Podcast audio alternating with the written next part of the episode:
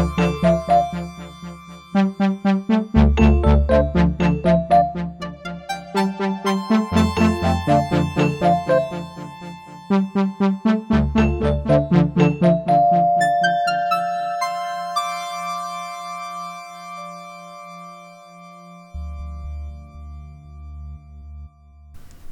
luistert naar de podcast van Uitgeverij Pluim. Want ook dit voorjaar gaat Uitgeverij Pluim het Nederlands boekenlandschap weer iets mooier maken. Immers daartoe is Uitgeverij Pluim op aarde. En nu heb ik drie keer Uitgeverij Pluim gezegd. En met deze erbij vier keer. Dus dat weet u nu wel. Hoogste tijd voor degene zonder wie een uitgeverij een lege huls is, de auteurs.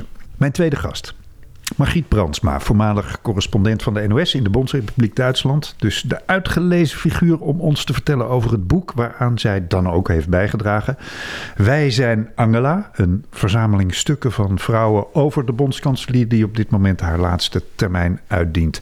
Angela Merkel, welkom Margriet. Dank je. Angela, hè? niet Angela. Angela en in Berlijn zeggen ze Angela. Angela, Angela. oké, ook dat nog. Uh, Goed, wij zijn Angela. Hoezo wij? Ja, daar spreekt wel een, een zekere bewondering uit. En dat zie je ook wel terug in de stukken. De bewondering voor Merkel omdat ze uh, wars is van ijltuiterij, haar moed. Het feit dat ze het al zo lang volhoudt. Dat maakt al met al wel dat de meeste van de mensen die meegewerkt hebben aan dit boek in Merkel een, een, een rolmodel zien. Aha. Maar zeg ik er wel onmiddellijk bij, het is niet alleen maar Hosanna. Het, het gaat ook wel bijvoorbeeld over het feit dat Merkel erg van de macht is gaan houden. Mhm. En misschien daardoor, ook een onderwerp dat wel ter sprake komt, misschien wel iets te lang is doorgegaan. Hè? Want het is de laatste tijd wel een beetje stil rond Angela. Ja, ja. dus ze is natuurlijk ook op weg naar de uitgang. Dan krijg je dat ook Ja, wel een beetje. Maar dat duurt nog wel even Ja. natuurlijk. Hè? Ja, ja. maar eh, eh, laten we het wij ook even letterlijk nemen. Wie zijn wij in dit geval, in de, de schrijvers van het boek? Dat een, een tiental, dat zijn eh, journalisten als Wilma de Rek, Sophie Derksen, die ehm, met name de, de manier van politiek bedrijven door Merkel onder de loep nemen. Cecile Narings, modejournalist, Ja, over de manier waarop Merkel zich kleedt. En ik vind dat zelf een hele mooie bijdrage. Prachtige zin, die moet ik echt even citeren. Haar gebrek aan ijdelheid en capsones in combinatie met haar voorkeur voor eenvoud. Dat is een goudmijn. Eh Devika Partiman van Stem op een Vrouw over het thema vrouwen en leiderschap in relatie tot Merkel. Mhm. Eh, Els Kloek, historica en net als Merkel eh, dochter van een dominee over het land waar Merkel is opgegroeid, de ja DDR. ik las dat haar ouders zelfs nog Ja. ooit in de DDR zijn geweest. Hè? Ja, klopt. ja. Dat, en, en daar gaat dat verhaal ook voor een groot deel Mhm. over. Ehm, Manon Uphoff, de schrijfster, met een prachtige persoonlijke brief aan Merkel. Onder meer over de vraag of ze nou een pokerface heeft, nou ja, enzovoort, Mhm. enzovoort. Ja, en jij?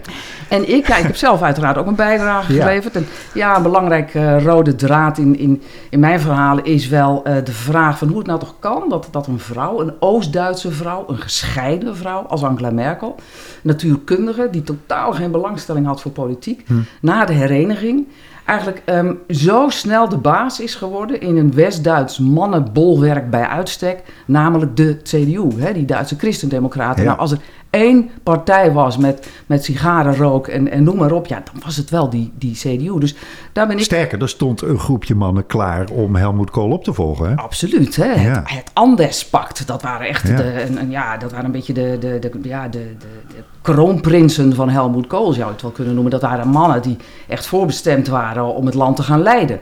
Nou, die kwam zij tegen op haar weg naar eh, het, het, het chefschap en het kanselierschap. En ja, ze heeft zich eigenlijk allemaal achter zich gelaten. En Ja. op dat thema ga ik wel in, ja. Waar, waar meteen ook een, een iets wat we eigenlijk niet zo aan Merkel koppelen, eh, de, de kop opsteken. Want eh, de- ik geloof dat het ook zo geformuleerd wordt ergens. Eh, ze is ook niet te bang om het mes te hanteren. Hè? Absoluut niet. Nee, Merkel, Als Merkel het idee heeft, nu moet ik doorpakken, dan kan ze genadeloos zijn. En Hmm. iemand die daar natuurlijk heel nadrukkelijk mee te maken heeft gekregen, dat is haar, haar politieke vader, Helmut Kool. hè. Ja, ja. 99, het grote spendenschandaal, hè, het smeergeldschandaal in, de, in, de, in die CDU. Waarin Helmoet Kool een spil was. En toen heeft Merkel als betrekkelijke nobody, ja, ze was generaalsecretair toen, dat is een functie die kennen wij niet echt, maar ja, toch het lef gehad om in de grote Duitse krant, de Frankfurter Allgemeine Zeitung, te zeggen: We hebben heel veel te danken aan uh, Helmoet Kool, maar hij moet weg. Ja. En um, ze kreeg het voor elkaar. Ja. En dat kan ze. Fukushima, hè, de, Ja. de, de, de kernramp. Merkel die twee dagen later zegt: Wij stoppen met kernenergie in Duitsland, want wat daar kan, kan hier ook. Ja. Daar sprak vooral ook de natuurkundige, denk ik. Dat heeft ze absoluut. Ja, nou, nou, er, er zijn natuurlijk wel al eerder ook rolmodellen van vrouwen in de politiek geweest. Margaret Thatcher, dit doe ik hier in Europa vooral, maar ook eh, wereldwijd. Indira Gandhi. Ehm, ik las een intrigerend zinnetje in de inleiding van, eh, van Marcia Luiten. maar ik geloof dat zij ook weer iemand citeert, weet ik nu even niet precies. Dit zijn, jullie zijn tien vrouwen, die schrijven over de vrouw Merkel in de politiek als rolmodel. Maar iemand zei ook, het goede aan Merkel is dat ze net zo goed een man had kunnen zijn. Ja, dat is, en dat is, heeft ze ook door de jaren heen altijd volgehouden. Hè. Maar Merkel houdt er ook eigenlijk helemaal niet over om over dat thema vrouw te spreken.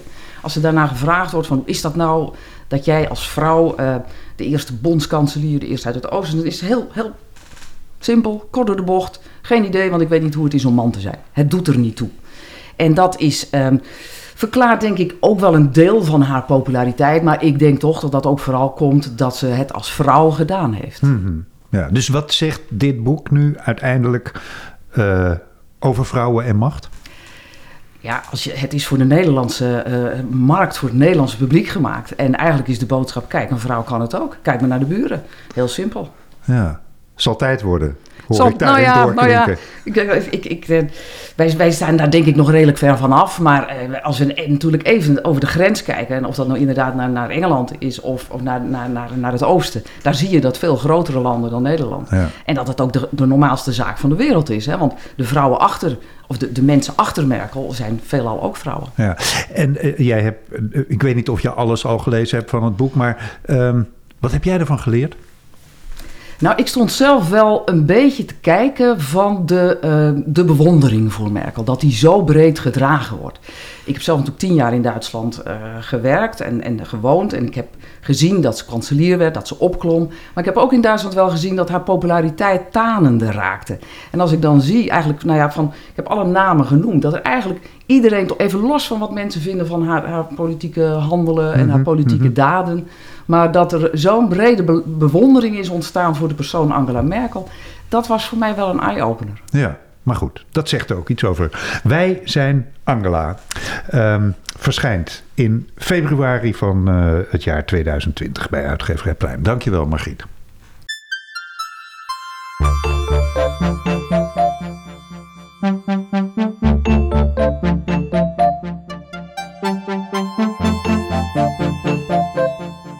Mm-hmm.